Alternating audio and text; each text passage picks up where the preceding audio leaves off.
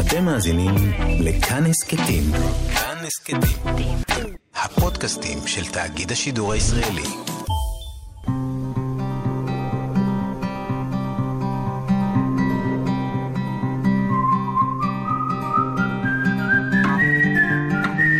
אחת פלוס חמש. אורחים וספרים עם ענת שרון בלייס.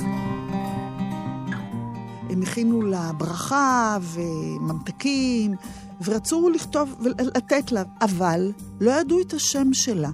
ואז חיפשו, שאלו איך קוראים לה, למנקה. כנראה מחברת קבלן, באה הולכת, לא רשומה בשום מקום. אף אחד לא ידע. ניגשו לחדר המורות, אף אחד לא ידעה. למזכירות, כן, אף אחד לא ידעה. למנהלת, לא ידעה. בסוף, השומר של בית הספר אמר לאותה מורה, אני אברר בשבילך, הוא בירר, הם כתבו את השם, השומר והמנקה הגיעו לכיתה ד', הילדים קיבלו אותם יפה, נתנו את הברכה עם השם, והחליטו, הם עכשיו יתייחסו. מאזינות ומאזיני כאן תרבות, שלום לכם. היום שתי אורחות באולפן עם הרבה הרבה ספרים, סופרים, משוררות, משוררים וטקסטים, ואני מתחילה עם השיר הבא שכתב אותו נפתלי שם טוב. אימא שלי מנקה את השירותים של החוקרת הדגולה, שמחקריה על מגדר ותפיסות פסיכואנליטיות, פוסט-סטרוקטורליסטיות, הביאו אותה להישג המדהים, האישה הראשונה שהתקבלה כפרופסור מן המניין, עוד הצלחה פמיניסטית בצמרת האקדמיה. שלום לדוקטור מימי חסקין, בסמינר הקיבוצים. שלום. ואת גם עורכת טיולים ספרותיים. ושלום לדוקטור דינה חרוב עם אוניברסיטת תל אביב. שלום, שלום. ואתן הוצאתן ממש לאחרונה ספר ששמו מומחית בספונג'ולוגיה, עוזרות בית ומנקות בספרות העברית, הספר האור בהוצאת גמא. ויש בו מחקר שעוסק בעובדות ניקיון, בעוזרות בית, אה, מהרגע שהתחילו לכתוב עליהם עוד לפני קום המדינה ועד היום. ואני רוצה לשאול קודם כל, למה כתבתן את הספר הזה? אני עבדתי גם בסמינר הקיבוצים והשתתפתי בקבוצה שמימי הנחתה על מזרחיות. ושם עלו מלא סיפורים של אנשים שחשו את הדיכוי. ואז מימי ואני, מימי הציעה שנעבדות על עוזרות בית, כאילו לבחור את הקצה, את הנשים המקופחות ביותר, וככה חשבנו על עוזרות הבית. וידעתם שיש מספיק טקסטים בספרות העברית? זאת אומרת, מה, מה קפץ לכם? מה היה לכם בזיכרון, מימי? קפץ לנו טקסט של אלתרמן, ספונג'תי עלי עלי, אה, שבו כביכול העוזרת התימניה נורא נורא נהנית לנקות, ושרה וצוהלת. קפץ לנו הסיפור אה, הנודע, המחריד, של לוין קיפניס, חתן פרס ישראל, שכתב על רומיה, מטפלת הקטנה, ומספר שם על ילדה תימניה כבת תשע, שבאה לעבוד כמשרתת. ומגיעה לאיזה בית אשכנזי, זה מצוין שם באותיות מודגשות, והאישה שמביאה אותה, ממליצה על קבלתה לעבודה, אומרת לבעלת הבית שהיא עובדת מעט ואוכלת הרבה, ובלי מקל ורצועה לא תזיזי אותן. הכרנו את הטקסטים חיה, האלו כמו לגמרי, בהמה. ואמרנו נבדוק. גם המגדר, גם האתניות, גם ההכפפה הכל כך בוטה, התנקזו בדמות של העוזרת, ואמרנו, בוא נבדוק, נראה מה יש. חיפשנו, ומצאנו. יש לך עוזרת בית, דינה? אז מדי פעם אני לוקחת עוזרת בית. אין לי עכשיו באופן קבוע עוזרת בית, אבל לכל אורך חיי היו לי עוזרות בית, אני לא יכולה להגיד שלא. היו לי. ואני יודעת שגם גדלת בבית כן. כזה, לא כאן. נכון. נכון? במדינה אחרת. גדלתי בלבנון, היו לנו לפחות שתי, שתי עוזרות ועוד עוזרת, ואחר כך באפריקה, שהיו לנו לכל בויים בבית, כן. וכשבאתי לארץ, בהתחלה היה לי מאוד קשה. לא הבנתי איך אנחנו צריכות להסתדר עם הדברים האלה. אבל לאט לאט למדת להסתדר, נכון. לקחת את כן. המקל, את סמרטוט הספונג'ה, נכון, ולעשות נכון. ספונג'ה. אה, אבל אני מניחה לאור הקריאה בספר, שגם אם יש לך עוזרת בית מדי פעם, את מדברת איתה, יש לה פנים, את לא בורחת ומשאירה אותה לבד בבית. ברור. ולא ברור. משאירה לה את כל הבית הפוך, כי מחר באה עוזרת, אז אפשר להשאיר את כל הבית הפוך. נכון, אני חושבת שגם נורא חשוב איזה יחס אנחנו כן. נותנים לעובדים האלה. כן, כן, בהחלט. חשוב לומר שאנחנו לא יוצאות פה בתוכנית נגד אה, עזרה בבית, אבל אם יש עזרה בבית, תדעו שמי שעוזר או עוזרת לכן בבית, אדם, אישה, ידע, גוף, ידע, פנים, נכון. כן, נכון. נשמה, נפש. נכון. מימי לך יש עוזרת בית? לא. אה, בעבר, בעבר הרחוק הייתה לי, כשהילדים היו קטנים, באמת היא הייתה, היא הייתה כמו אימא. מאוד אהבנו אותה, והיא מאוד עזרה לנו, אבל אה, הילדים קצת גדלו, וכל פעם היו לי תירוצים למה לא לקחת. אה, אני מרגישה חוסר נוחות גם להיות הגברת. אני מרגישה אה, שזאת עבודה שיש בה ניצול מובנה. אני מרגישה חוסר נוחות מההתעסקות שלה, ההכרחית, בעניינים הפרטיים שלי, האינטימיים שלי, חדר הרחצה, שלא כן. לומר השירותים, הדברים הפרטיים. זה לא נוח לי, אני מעדיפה לנקות לבד. פתחתי עם השיר של אה, נפתלי שם טוב על האימא שלו שמנקה את השירותים, ובעוד אימא אחרת הופכת להיות פרופסורית. אבל בסופו של דבר, אנחנו יושבות פה, שלוש נשים, ואתן גם כותבות את זה בספר, שאנחנו עדיין בעמדה של אולי הגבירות, גם אם אין לנו עוזרות בית, וגם לי אין, אנחנו עדיין בעלות הידע, או עושות קריירה, מקומות העבודה שלנו הן לא לנקות לאחרים. פריבילגיות. פריבילגיות. למרות שהרבה מהעוזרות הרוסיות, הן הרבה פעמים יש להן השכלה גבוהה נכון. וכולי, אבל הן נמצאות עדיין במקומות האלה. אז איך כותבים ספר מהעמדה הזאת? איך כל הזמן מודעים לה? איך כותבים ספר שאולי גם עוזרות הבית תרצנה לקרוא? האמת שזה עורר הרבה דיונים אצלנו. כל פעם חשבנו על הנקודה הזאת, איך אנחנו מרשות לעצמנו להיות בעמדה הזאת ולכתוב, כאילו, לשכפל במובן מסוים, עוד פעם לכ- לכתוב. כן. עליהם.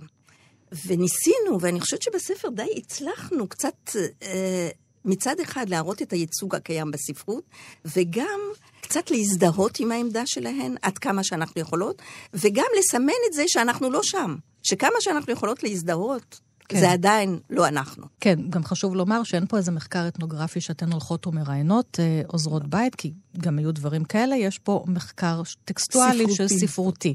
ובמחקר הספרותי טקסטים רבים שאתם מוצאים, שפשוט מתייחסים בצורה מזוויעה מחפירה. לעובדות הניקיון, עד טקסטים שבדיוק עושים את ההפך. לפעמים גם זה ילדים, הדור השני, שכותבים על האימהות שלהן, או כבר כאלו שהיו עוזרות בית וכותבות על עצמן.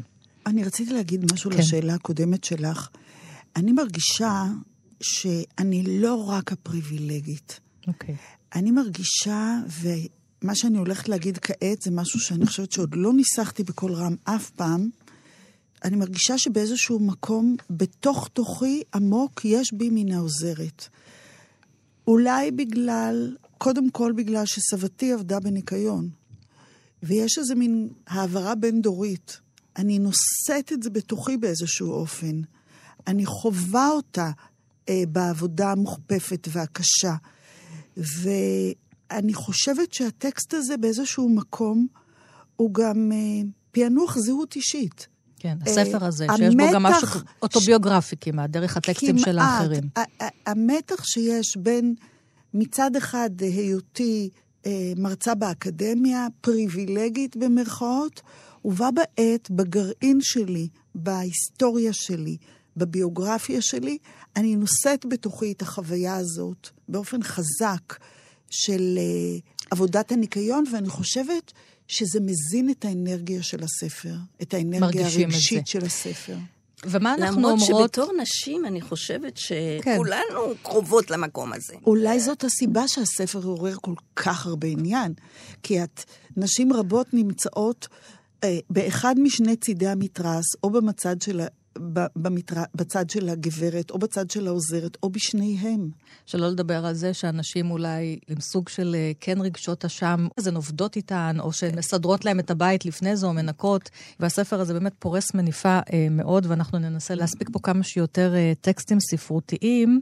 אבל עוד שאלה אחת, דינה. אז מה אנחנו אומרות לאותה פרופסורית ראשונה מן המניין, שכדי שהיא תהיה פרופסורית, יש לה מישהי שמנקה לה את השירותים?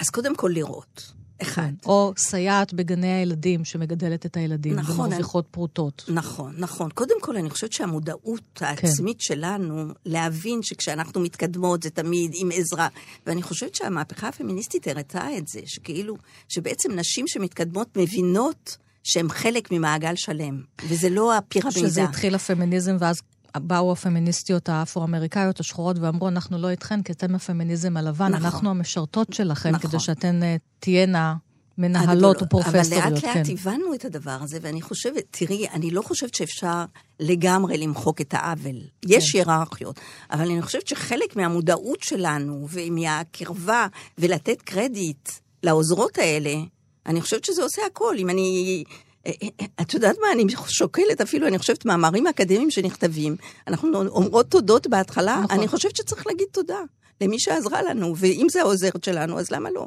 שהשמות שלהם יופיעו.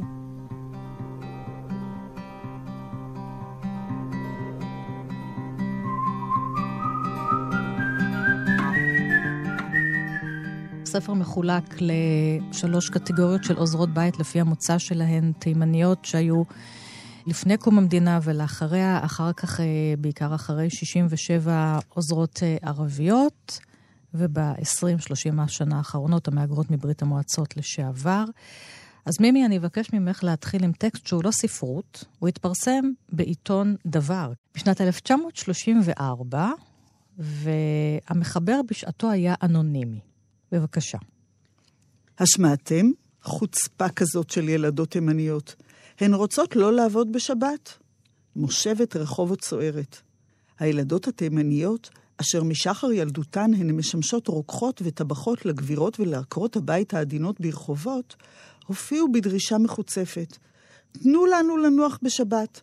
המחוצפות הקטנות הללו צריכות נוסף על ששת ימי עבודתן הקשים מבוקר עד חשכת הליל, לבוא לבתי הגבירות גם בימי שבת ומועד, לנקות, לסדר את הבית ולטפל בתינוקות. הפעוטות רזות הגוף הגיעו לדרישה זו בשכלן הן. כנראה שסעודות השבת בבתי הכבודות אינן מושכות אותן בחבלי טעמותן, והן רוצות להיות סמוכות בשבת דווקא אצל שולחן אבא ואימא. טובה פת חרבה זו מהבית הזר המלא זבח.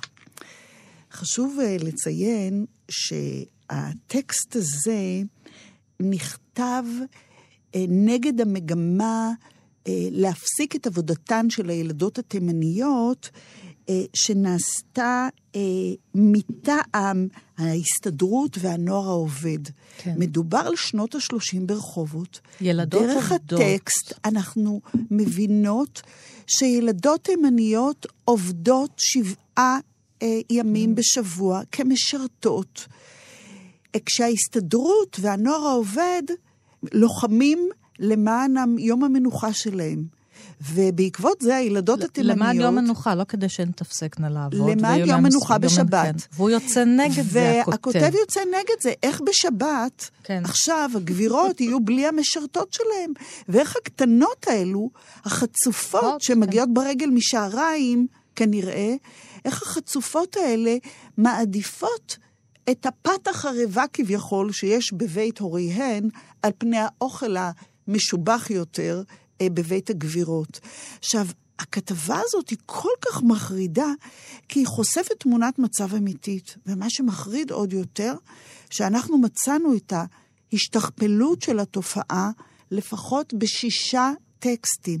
שישה טקסטים שמתעדים את העובדה שילדות מועסקות כשפחות, כן. כדבר שבשגרה. הזכרת את לוין קיפניס בהתחלה. גם uh, אצל לוין קיפניס, גם uh, אצל ברכה חבאס, גם בשיר של אלתרמן שהזכרתי קודם. ברכה חבאס עושה את זה כמי שכותבת עליהן ולתאר אותן. שהיא כן, כן רואה מתוך, אותה. בהחלט. מתוך הזדהות. אני, מה שאני מציינת כרגע זה את העובדה דה, שילדות כן, עובדות כמשרתות. ובאותה שנה, ב-34, אני גם מצטטת את השורות המפורסמות שאלתרמן כותב, שיר התימניות הידוע, אש בוערת בעיניי, בגופי צמרמורת, בשמאלי סחבה ודלי, בימיני מברשת, והשיר עוד ממשיך, ויש לו גם לחן. איזה כיף לנקות לאשכנזים את הלכלוך. דינה, כן. ברכה סרי, אחת המשוררות החשובות שהיו פה ממוצא תימני, פמיניסטית פורצת דרך, שגם אה, היא בעצמה, אני חושבת, הייתה עוזרת בית ועבדה בניקיון. והיא כותבת שיר ששמו אלפביתית. זאת אומרת, היא משבשת את האנאלפביתית וקוראת לזה אלפביתית. נכון מאוד. אני אקרא את השיר ונתייחס אליה. מאוחר יותר, כבר בשנות ה-80, היא כותבת את זה. אלפביתית. אני עוד אלפביתית, וזה חבל מאוד. מומחית בספונג'ולוגיה, עושה הרבה מאוד. כולם סודות קוראים הם, ורק אני בורה. חוכמת עולם יודעים הם, ורק דרכי סגורה. אני רק אלפביתית, ואין לי שום מזל. ללמוד עוד לא הספקתי, וזה מאוד חבל. אבל ברכה סרי למדה.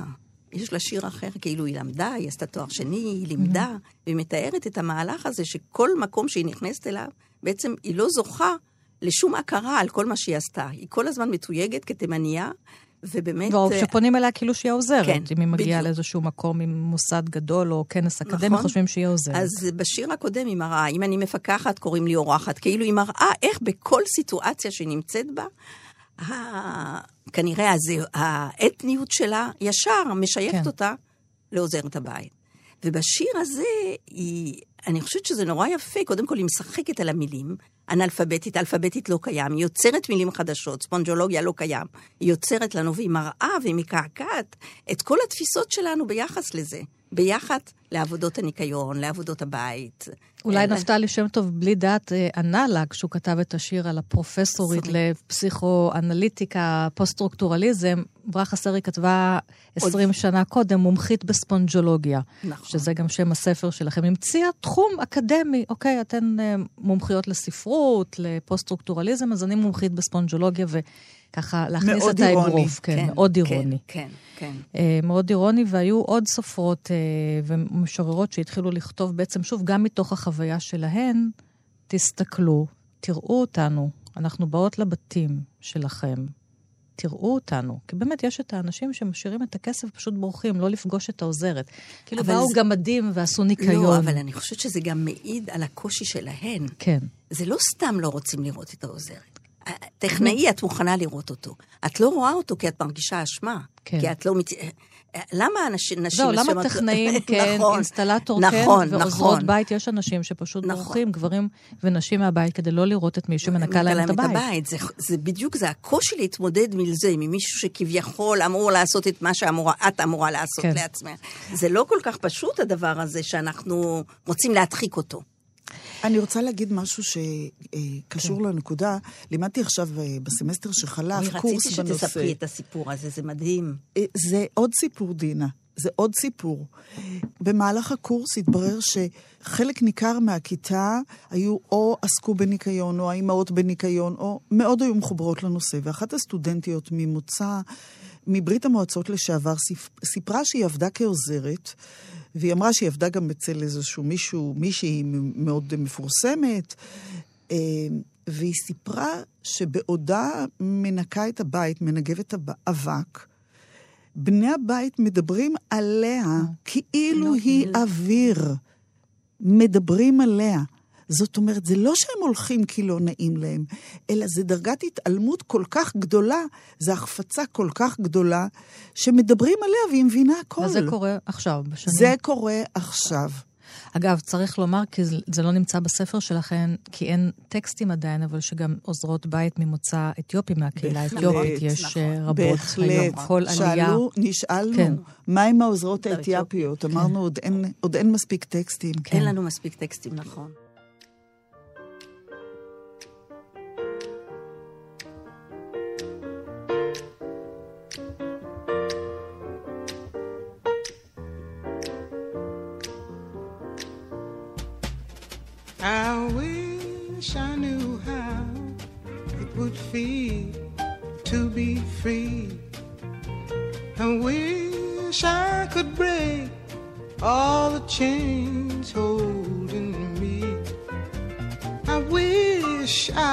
Say all the things that I should say.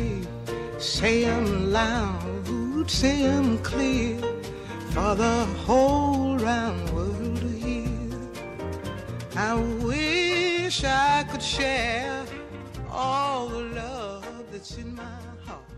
מאזינות ומאזיני כאן תרבות, אני באולפן עם שתי אורחות היום, עם החוקרות הספרות דוקטור אה, דינה חרובי ודוקטור מימי חסקין, והן אה, פרסמו ספר לאחרונה, מומחית בספונג'ולוגיה, שכולו מוקדש לעוזרות בית, מנקות, עובדות ניקיון אה, בספרות העברית, בספרות הישראלית.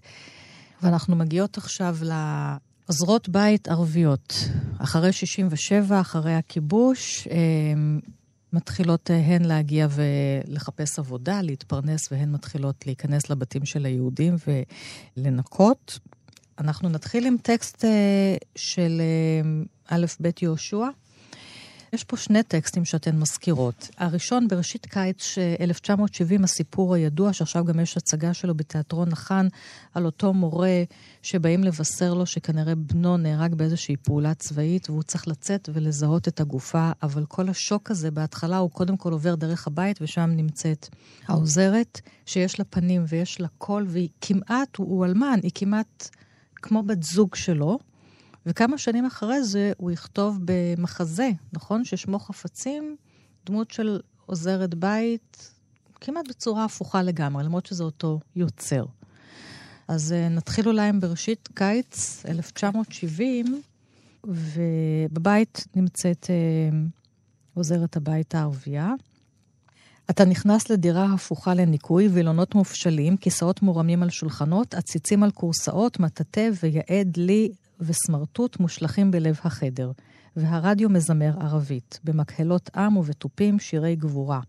ועוזרת ערבייה זקנה מאוד חובטת בפראות שטיח אדום. והאישה איננה, והילד איננו. ואתה הולך ונחלש, כושל במרצפות האבן הגדולות השחוקות מדורות קדומים. וממעמקים יחד עם השירה החזקה אתה מנסה לדלות מילים ערביות רחוקות. יאיס מי, יוואלד, איבני, המפליא שלא נבהלה, עוזרת הבית הערבייה מצעקתי, שהבינה מיד שאני משתייך לכאן, שיש לי זכות. אולי בתווי פניי הכירה עקבות של אחרים, ואט אט מתקדמת אליי, המחבט בידה, ישישה מאוד, פניה חרושות, חירשת כנראה, שכן הרדיו עדיין מזמר בכל העוצמה. אני שוב צועק משהו, מרמז על הרדיו, והיא ניגשת מיד, רוכנת על מערכת משוכללת רבת רמקולים, מסובבת את הכפתורים. ראשה מכוסה במטפחת גדולה, ממתינה, איבני, אני שוב מנסה. מצד אחד, יש לי זכות, וזה הבתים שלהם הרי שנלקחו במלחמת ששת הימים. מצד שני, הוא כן מתאר אותה, עם כל האביזרים. כן, אני חושבת שהנוכחות שלה כן. פה מאוד משמעותית, כי קודם בסיפור כל... בסיפור הזה, כן. כן, כי באמת, קודם כל הצלילים. כאילו אנחנו נכון, מבינים איפה. אנחנו נמצאים. כן. יש לי זכות, אבל זה המרחב כן, שלהם. בדיוק. לא המרחב מוחק. הגיאוגרפי פה, היא כן, מסמנת אותו בירושלים. בצורה מושלמת. כן. אבל עדיין, אני חושבת שהתיאור שלה עם המטפחת על הראש, כן. בצורה מאוד uh, סטריאוטיפית, ובכל זאת יש לה עוצמה אדירה בעיניי. יש לה עוצמה אדירה כן. בנובלה הזאת. כן, כן. העצמה שלה היא בזה שמצד אחד היא, היא הערבייה החלשה, המנוצלת, עובדה שהיא ישישה מאוד, היא חובטת כן. בשטיח, שזה מאוד קשה.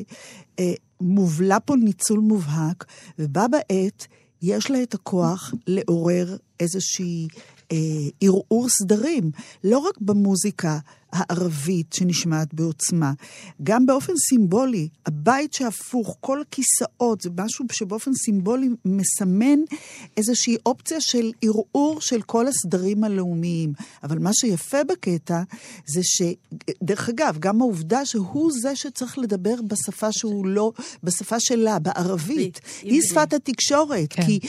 למרות הערבית הרצוצה שבפיו, ובסופו של דבר, כשהיא קולטת שהוא בא לבשר בשורת מוות, הוא אומר, איבני, והיא פתאום חומלת עליו, נכון. ופתאום נוצרת איזושהי אחווה ביניהם, ופתאום יש איזו אמפתיה ממנה.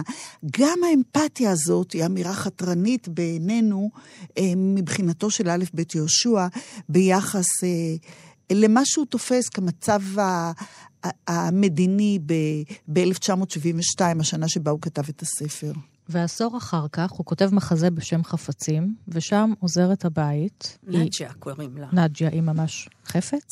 נג'ה, שבאמת המשמעות של השם זה אמון. כן. היא בדיוק, אה, האימא במחזה מנסה להתפטר מדברים, מכל מיני דברים שיש לה. כי היא הולכת לבית אבות. כן, כי היא אמורה ללכת. לבית אבות, והיא מנסה לאתן לבני הבית את כל החפצים שלה, והיא לא מצליחה, הבן שלה לא. מסרב, נכון.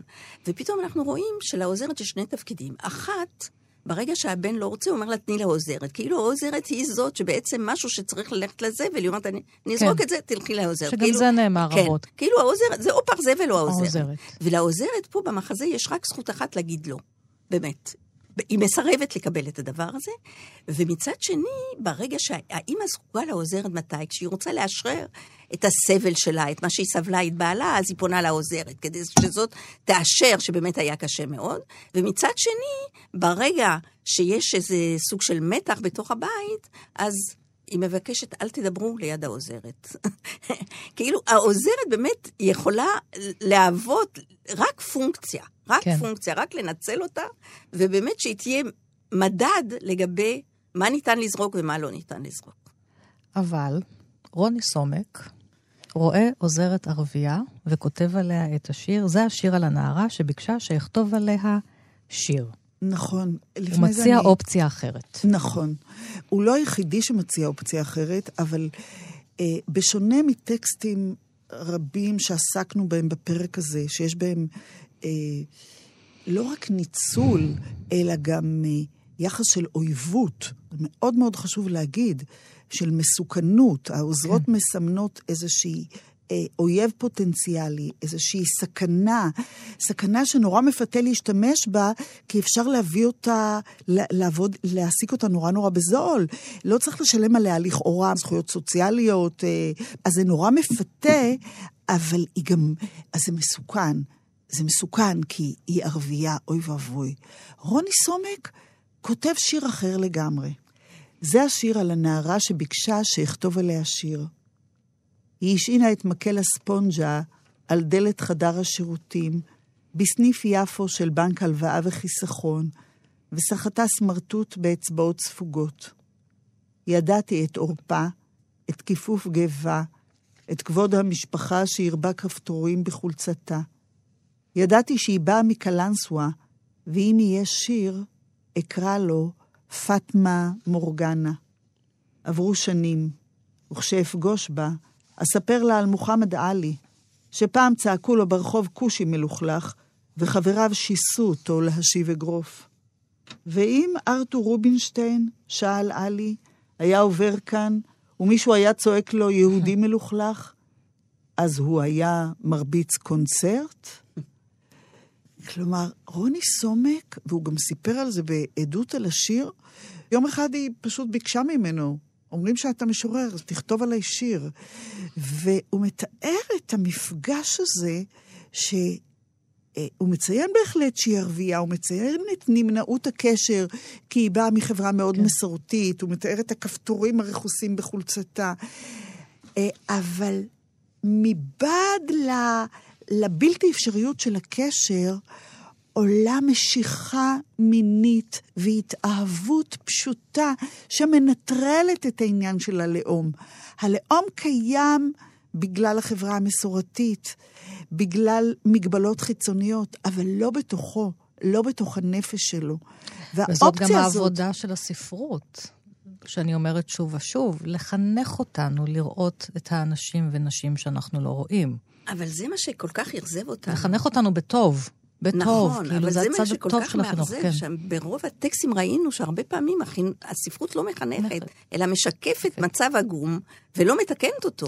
אבל דרך השיקוף של המצב העגום, אולי כשמישהו קורא, הוא יגיד, אה, אוקיי, מחר כשתבוא העוזרת שלי, אני אתנהג אליה אחרת. כי קראתי את השיר הזה, כי קראתי את השיר של נפתלי שם טוב, כי קראתי את השיר של רוני סומק, כי קראתי את הסיפור של אבל אה, אלה, אלף בית אלה יהושע. שירים שהוסיף, שהופיעו כן. לאחרונה. אני, בטקסטים כן, הקדומים אין לך שום אזכור. בטקסטים הקדומים זה אה, פחות, למעט... אה, יש טיפה כן, אמפתיה. ראינו אצל נחמה פוחצ'בסקי. אצל נחמה אולי. ראינו דווקא אישה סופרת, אה, אשכנזייה, כן.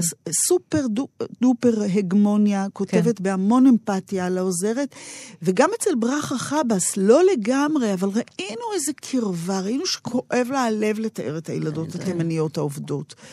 אה, אבל על, בעניין של חינוך ושל השפעה, ששוב, אנחנו יצאנו מנקודת מוצא, אה, קודם כל של מחקר ספרותי, אבל כן, היה פה, הייתה פה מוטיבציה מוסרית אצל שתינו. כן. אבל אני רוצה לספר, אולי לזה דינה התכוונה מקודם שאספר, שבקורס הזה שלימדתי, אה, אה, זה יצר תודעה אצל הסטודנטיות, ואחת הסטודנטיות שהייתה מורה, מחנכת של כיתה ד', סיפרה עם הכיתה ש... שהיא עם הכיתה שלה החליטו להתחיל להתייחס למנקה האתיופית. והם הכינו לה, אה, לכבוד החג האתיופי, חג הסיגד, הם הכינו לה ברכה וממתקים, ורצו לכתוב, ולתת לה, וידעו לכתוב את הברכה בתעתיק אה, אתיופי, למדו בדיוק את המילים, אבל לא ידעו את השם שלה. ואז חיפשו, שאלו איך קוראים לה, למנקה. היא כנראה מחברת קבלן, באה הולכת, לא רשומה בשום מקום. אף אחד לא ידע. ניגשו לחדר המורות, אף אחד לא ידעה. למזכירות, כן. אף אחד לא ידעה. למנהלת, לא ידעה. בסוף, השומר של בית הספר אמר לאותה מורה, אני אברר בשבילך, הוא בירר, הם כתבו את השם, השומר והמנקה הגיעו לכיתה ד', הילדים קיבלו אותם יפה, נתנו את הברכה עם השם, והחליטו, הם עכשיו יתייחסו. אחת פלוס חמש. אורחים וספרים עם ענת שרון בלייס. מאזינות ומאזיני כאן תרבות, אני באולפן עם שתי אורחות היום, עם החוקרות הספרות דוקטור אה, דינה חרובי ודוקטור מימי חסקין, והן אה, פרסמו ספר לאחרונה, מומחית בספונג'ולוגיה, שכולו מוקדש לעוזרות בית, מנקות, עובדות ניקיון אה, בספרות העברית, בספרות הישראלית, בין אלה שכתבו עליהם בצורה מזוויעה ולא ראו אותן, לבין אלה שחושפים את היחס אה, וחושפות, כותבות וכותבים שחושפים וחושפות את היחס אל העוזרות אה, הבית, ואולי מנסות אה, לחנך אותנו לראות אותן אחרת, לבין כאלה שהיו בעצמן עובדות ניקיון וכותבות על עצמן. ואנחנו מגיעות עכשיו להגירה הגדולה מברית המועצות, וכפי שכבר ציינת, דינה, קודם, הפעם מדובר בנשים משכילות, לא נשים שלא הלכו לעמוד. פעמים, פעמים נכון. רבות בנשים משכילות שמגיעות לכאן כמהגרות ונאלצות לעבוד uh, כעוזרות uh, בית. ואיך היחס אליהן מתרחש בשנות ה-90, בשנות ה-2000? מה אנחנו רואים uh, בכתיבה, בספרות? גם לא רק. מפריע להם הרבה פעמים דווקא המיקום שלהם, אה, שהיא יודעת לנגן יותר פסנתר, אולי פסנתר, יותר כן. טוב ממה שבעלת הבית. אה, אני הכרתי בחורה שאמרה לי, טוב, נשארתי באותו מקצוע, היא הייתה מהנדסת מים, היא שוטפת רצפות. היא אומרת... אז- באירוניה, כן. כן, באירוניה. אז אה, כאילו, בעלות הבית עדיין, גם כשהן מודעות, קשה להן לראות מישהו שדומה להן. שיש לה אותה השכלה, שיכולה לעבוד באותו מקצוע או במקצוע יותר מכובד שלהן, זה מאוד קשה. ולכן הרבה פעמים יש דחייה של אותן נשים, וחוץ מזה שהחברה מאפשרת את זה. החברה מאפשרת אה, להסליל את האנשים האלה ולהתייחס אליהם באופן כזה, ואז הן מנצלות את זה. אלכס ריף, המשוררת, כתבה נכון, רבות, גם כן. דרך החוויה של אימא שלה, ממש רבות, על uh, האם המנקה. ומה את רוצה לקרוא, דינה? אז אני חשבתי לקרוא את, אה, למרות שהוא קצת בוטה, את השיר אה, חלום חוזר. חלום חוזר. אימא שלי סיפרה לי שכשעלינו לארץ והמצב הכלכלי היה קשה, היא מכרה את גופה לגברים. כלומר, אימא שלי לא עבדה בניקיון, אימא שלי הייתה זונה. ונדהמתי, לא מעצם הבחירה, לא מעצם המכירה, כי אם נפש אפשר, אז גם גוף, אלא מהדרישה לשכר הוגן, ממי שדופק אותה בתחת. אמא שלי לא הייתה עולה מסריחה מרוסיה. אמא שלי הייתה ליברלית, עם מיניות מתפרצת ותשוקה אסורה, לא סמרטוט רצפה. אמא שלי הייתה מוכנה לרדת, כדי לגרד את הסיכוי לעלות חזרה. אמא שלי הייתה זונה. וואו, איזה שיר. כן. זה לקחת את המקצוע הזה של המנקה? בעצם מה היא עושה פה? ריף בהרבה מאוד מהשירים שלה? נעה בין זנות לבין עובדות ניקיון. כאילו, כן. זה שתי האופציות היחידות שיש לנשים כן. האלה. מברית המועצות. מברית המועצות. באמת, אנחנו מכירים גם את כל האווירה לגבי זונה, שהן הרוסיות הן זונות. ובהרבה מאוד מהשירים שלה היא נעה על התפר הזה. פה זה מעניין שכשהיא אומרת סמרטוט רצפה, לי", כאילו זה מטאפורה בטקסט, אבל בעצם זה לא מטאפורה. ועל הרדת הזה שיש לו הקשרים מיניים, ולעלות לארץ חזרה, יש תחושה שבעצם היא רוצה למחוק את כל החוויה הזאת. זה, אימא שלה באמת- המשיכה לעבוד בניקיון גם מעבר לגיל הפנסיה, זה חזר וגם על זה יש לה שיר, שלה, כן. בהחלט. והעניין הזה שלה לרדת כדי לעלות חזרה, זה גם להגיע למעמד שהיה לה קודם במקור, להגיע למעמד ברוסיה, כן. שיספק, אה, או ייתן לה את האפשרות אה, לכלכל את ילדתה, לדאוג לה להשכלה. כן, הנימה פה היא מאוד סרקסטית, מאוד חריפה, מאוד בוטה. על האימהות שהקריבו הכל בשביל הילדים האלה, ושאין דרך להחזיר לאימהות האלה את הכבוד שלהם, את ה... טוביה סולמי אולי היה אחד הראשונים, נכון, משורר גם נכון. ממוצא תימני, שכתב נכון. על זה עוד בשנות ה-70, נכון. על האימא שלו עובדת הניקיון. וטוביה סילמי עושה משהו נורא יפה בשיר שלו, הוא מראה, כאילו מצד אחד הוא מראה את הדיכוי, מצד שני הוא מראה את הרווח שהאימהות האלה קיבלו מהבתים האשכנזיים. הוא לא מתכחש לרווח הזה. כן. ובכל זאת הוא מדבר על המחיר הזה שהם שילמו, שלהן יש שתי אימהות ולנו אין אימא בבית. אז אני אקרא קטע מן השיר שלו לתימניה שלי. שובי אימא מבית העבדים, לטפיני רחימה כשאר הילדים. קראי לי אכול אף רבה, אף כי נדע ריקם המזווה. ואני מדלגת כאן אל סוף השיר, ולבן גבירתך שתי אמהות, ואני יתום הגון מאימי. אני חושבת שבתחושה שלי, הכתיבה בשם האימא היא סוג של אה, הכרת תודה, היא סוג של אה, למחו, ל, למחו, ללחום את מלחמתה של האם, היא סוג של אה, הוכחה, אמא, את ניצחת, תראי אותנו היום, העבודה שלך לא הייתה לשווא.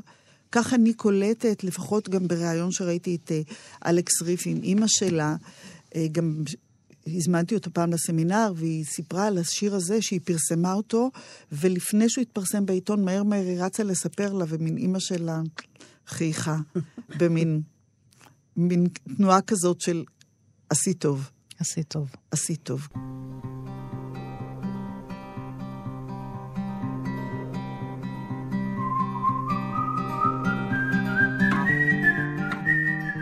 ואת, אה, מימי, בוחרת בשיר שכתבה אסתר וולקחוק, שימור המסה. מתחת לאולם ההרצאות, לודה מנקה שירותים. במוסקבה הייתה מורה לכימיה, עם כפפות וחלוק לבן ומכובד.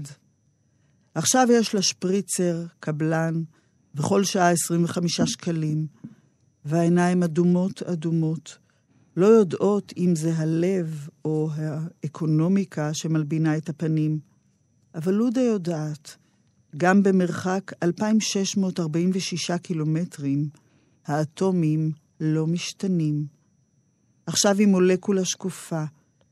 לודה מרססת בידה המחוספסת נתרן תת-כלורי. ההרצאה מעל נגמרת. האולם יורד ומתרוקן בשירותים. לודה הזאת, היא חוקרת כימיה, היא מרצה לכימיה. וכשהיא היגרה לישראל, היא נאלצה לעבוד במה שיש. ובאופן אה, אירוני, המשוררת ממקמת אותה עם החומר שהיא חקרה, עם הנתרן תת-כלורים, השם המדעי של אקונומיקה, מתחת לאולם הרצאות הכימיה. כאילו היא משנה את המקום, אבל היא אומרת... האטומים לא משתנים. האטומים לא משתנים, המסה לא יכולה להיעלם, היא רק משנה צורה. חוק שימור המסה. ובעצם היא בוחנת בשיר איך, אה, אה, איזה שינוי נעשה, איזה שינוי של האטומים, שינוי צורה של האטומים של ישותה של לודה, עברו בעקבות אה, תהליך ההגירה. ובעצם, החוק שימור המסה הופך להיות מין אה, מטאפורה שמשווה בין הקיום של לודה בעבר, כמרצה לכימיה, לבין קיומה של לודה בהווה כמנקה ש... כן, עוסקת בכימיה עם הנתרן התחת-כלורי שהיא משפריצה בשירותים, האקונומיקה. ושוב, עוד אירוניה זה שהיא נשארת במרחב אה, האוניברסיטה. כן. כן. אז היא הייתה למעלה בחדר ההרצאות, היום היא מתחת לאולם, בשירותים. והיא עברה מקומת הידע לקומת הבזות. וזה שיר כן. מחאתי מאוד מאוד חזק בעיניי. אסתר וולק, שהיא משוררת צעירה שגדלה כאן, פשוט ראתה רואה אותה. אותה. ראתה אותה. ראתה אותה.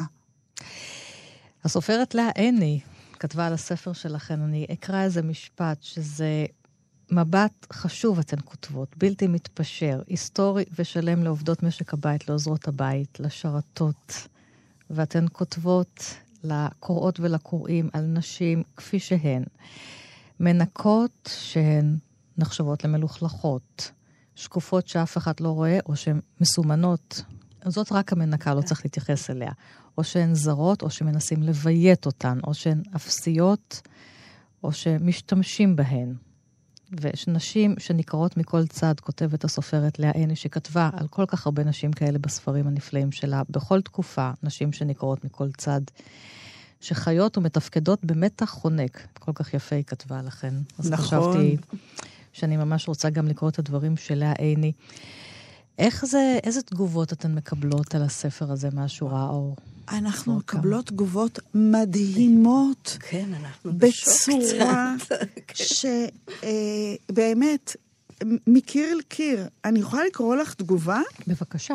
אה, משוררת אורית קלופשטוק, כן, שהייתה בעברה עובדת סוציאלית. שהייתה בעברה עובדת ספר, סוציאלית, אה, נכון. שירים, כן. שעוסק באנשים שהיא נתנה להם שירות כעובדת סוציאלית. שוב, האנשים קשי היום נכון. ביותר ש... היא כתבה, היא כתבה כך, היא כתבה לי כך.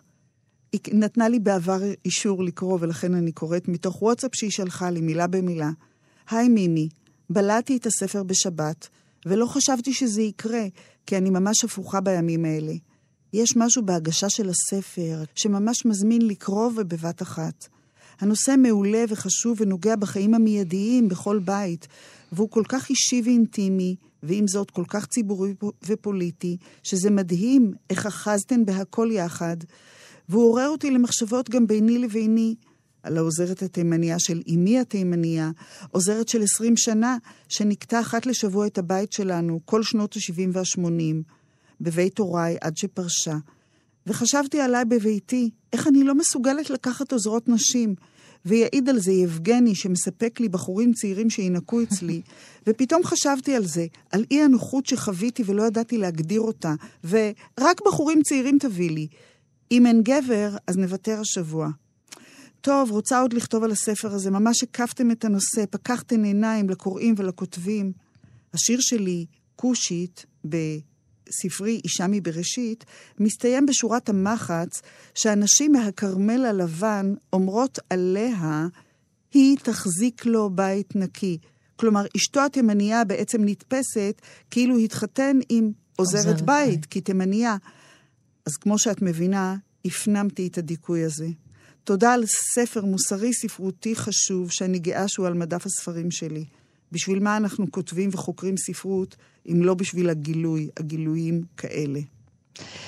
אורית קלופשטוק, ותחפשו גם את ספרי השירה שלה.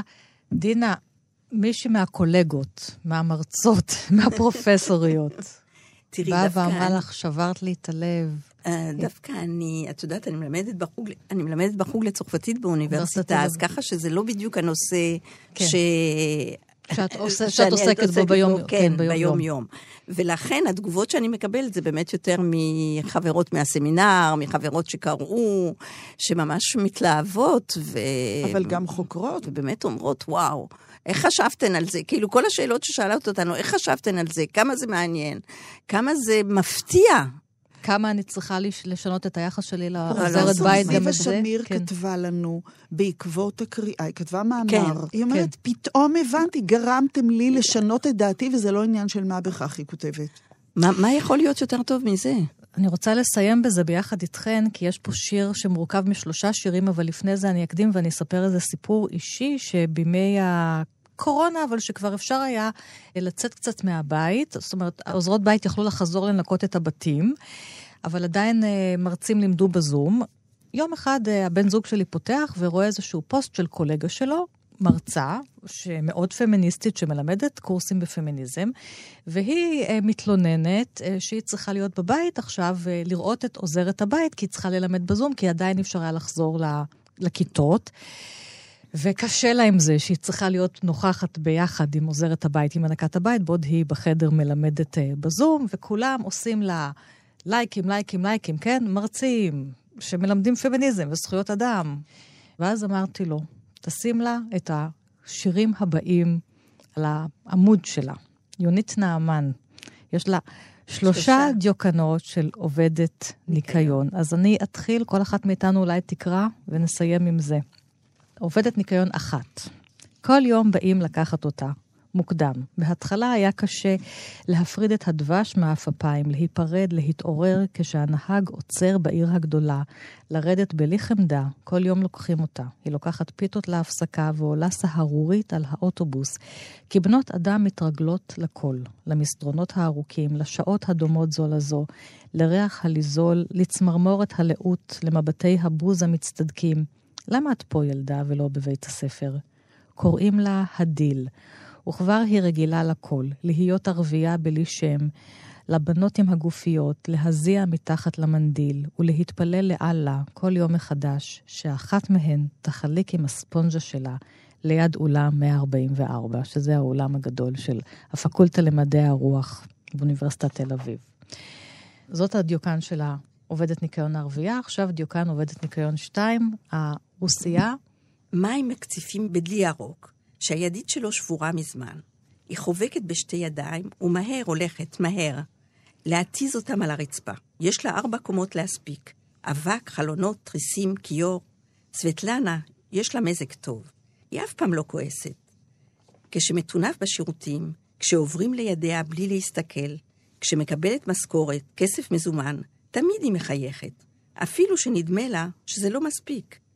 גם לגוף של סבטלנה יש מזג טוב. כשהיא מתכופפת לאקונומיקה, המוח שלה מתיז אנדרופין, והגב שלה נרדם. גם דקירות של רעב למודות איפוק. סבטלנה פועלת טבעית. לפעמים כשהיא עושה שירותים, היא מסתכלת על סבטלנה, שבתוך המים, קוראת לה ממעמקים, היא זורה עליה חול ומקרצפת חזק. קוראת ממעמקים, ממעמקים קראתיך.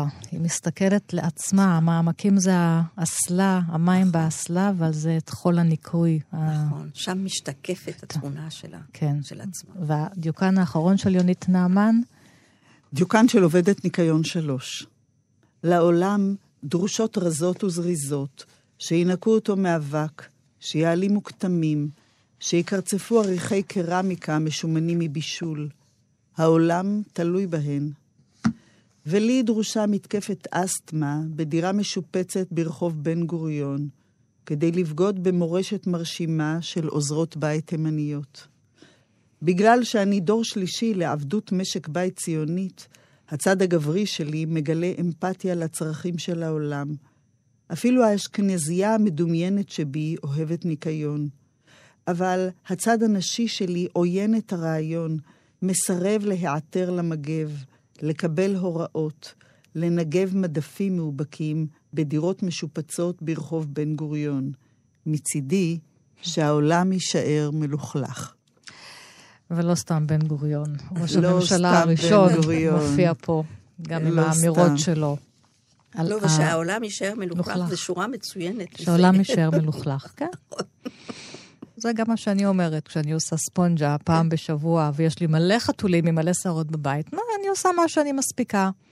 זהו. מה שלא יהיה בשבוע הבא. נכון. וזהו, שכל השאר יישאר מלוכלך. ובקשר לעולם יישאר מלוכלך, במחשבה מאוחרת, שבאמת שמעתי את זה מאחת הקוראות, משהו בכריכה של הספר, בצילום כן. של ורד ניסים, כשהמגבים של הספונג'ה עומדים למעלה, בתנועה הפוכה, מורמים, כן. הם כאילו אומרים, אנחנו לא עוד על הרצפה, אנחנו גמרנו עם ההכפפה, אנחנו עכשיו זקופי קומה, אנחנו נושאים כמו דגל את הזהות שלנו, אבל היא הפוכה. הנה, הסמרטוט הוא אנחנו. הדגל. הסמרטוט הוא הדגל. זהו, שהעולם יישאר מלוכלך. דוקטור דינה חרובי, דוקטור מימי חסקין, שתיכן חוקרות ספרות ושתיכן כתבתן ביחד את הספר מומחית בספונג'ולוגיה על עובדות ניקיון ועוזרות בית בספרות העברית. תודה רבה לכן שהייתן כאן. אני ענת שרון בלייס, כל תוכניות אחת פלוס חמש תמיד זמינות לכם בעמוד ההסכתים של תאגיד השידור, עוד פרטים בדף הפייסבוק שלנו. תודה רבה לכן ולהתראות. תודה שהעולם רבה. יישאר תודה, מלוכלך. כן. שהבית שלכן יישאר מלוכלך. תודה רבה. תודה.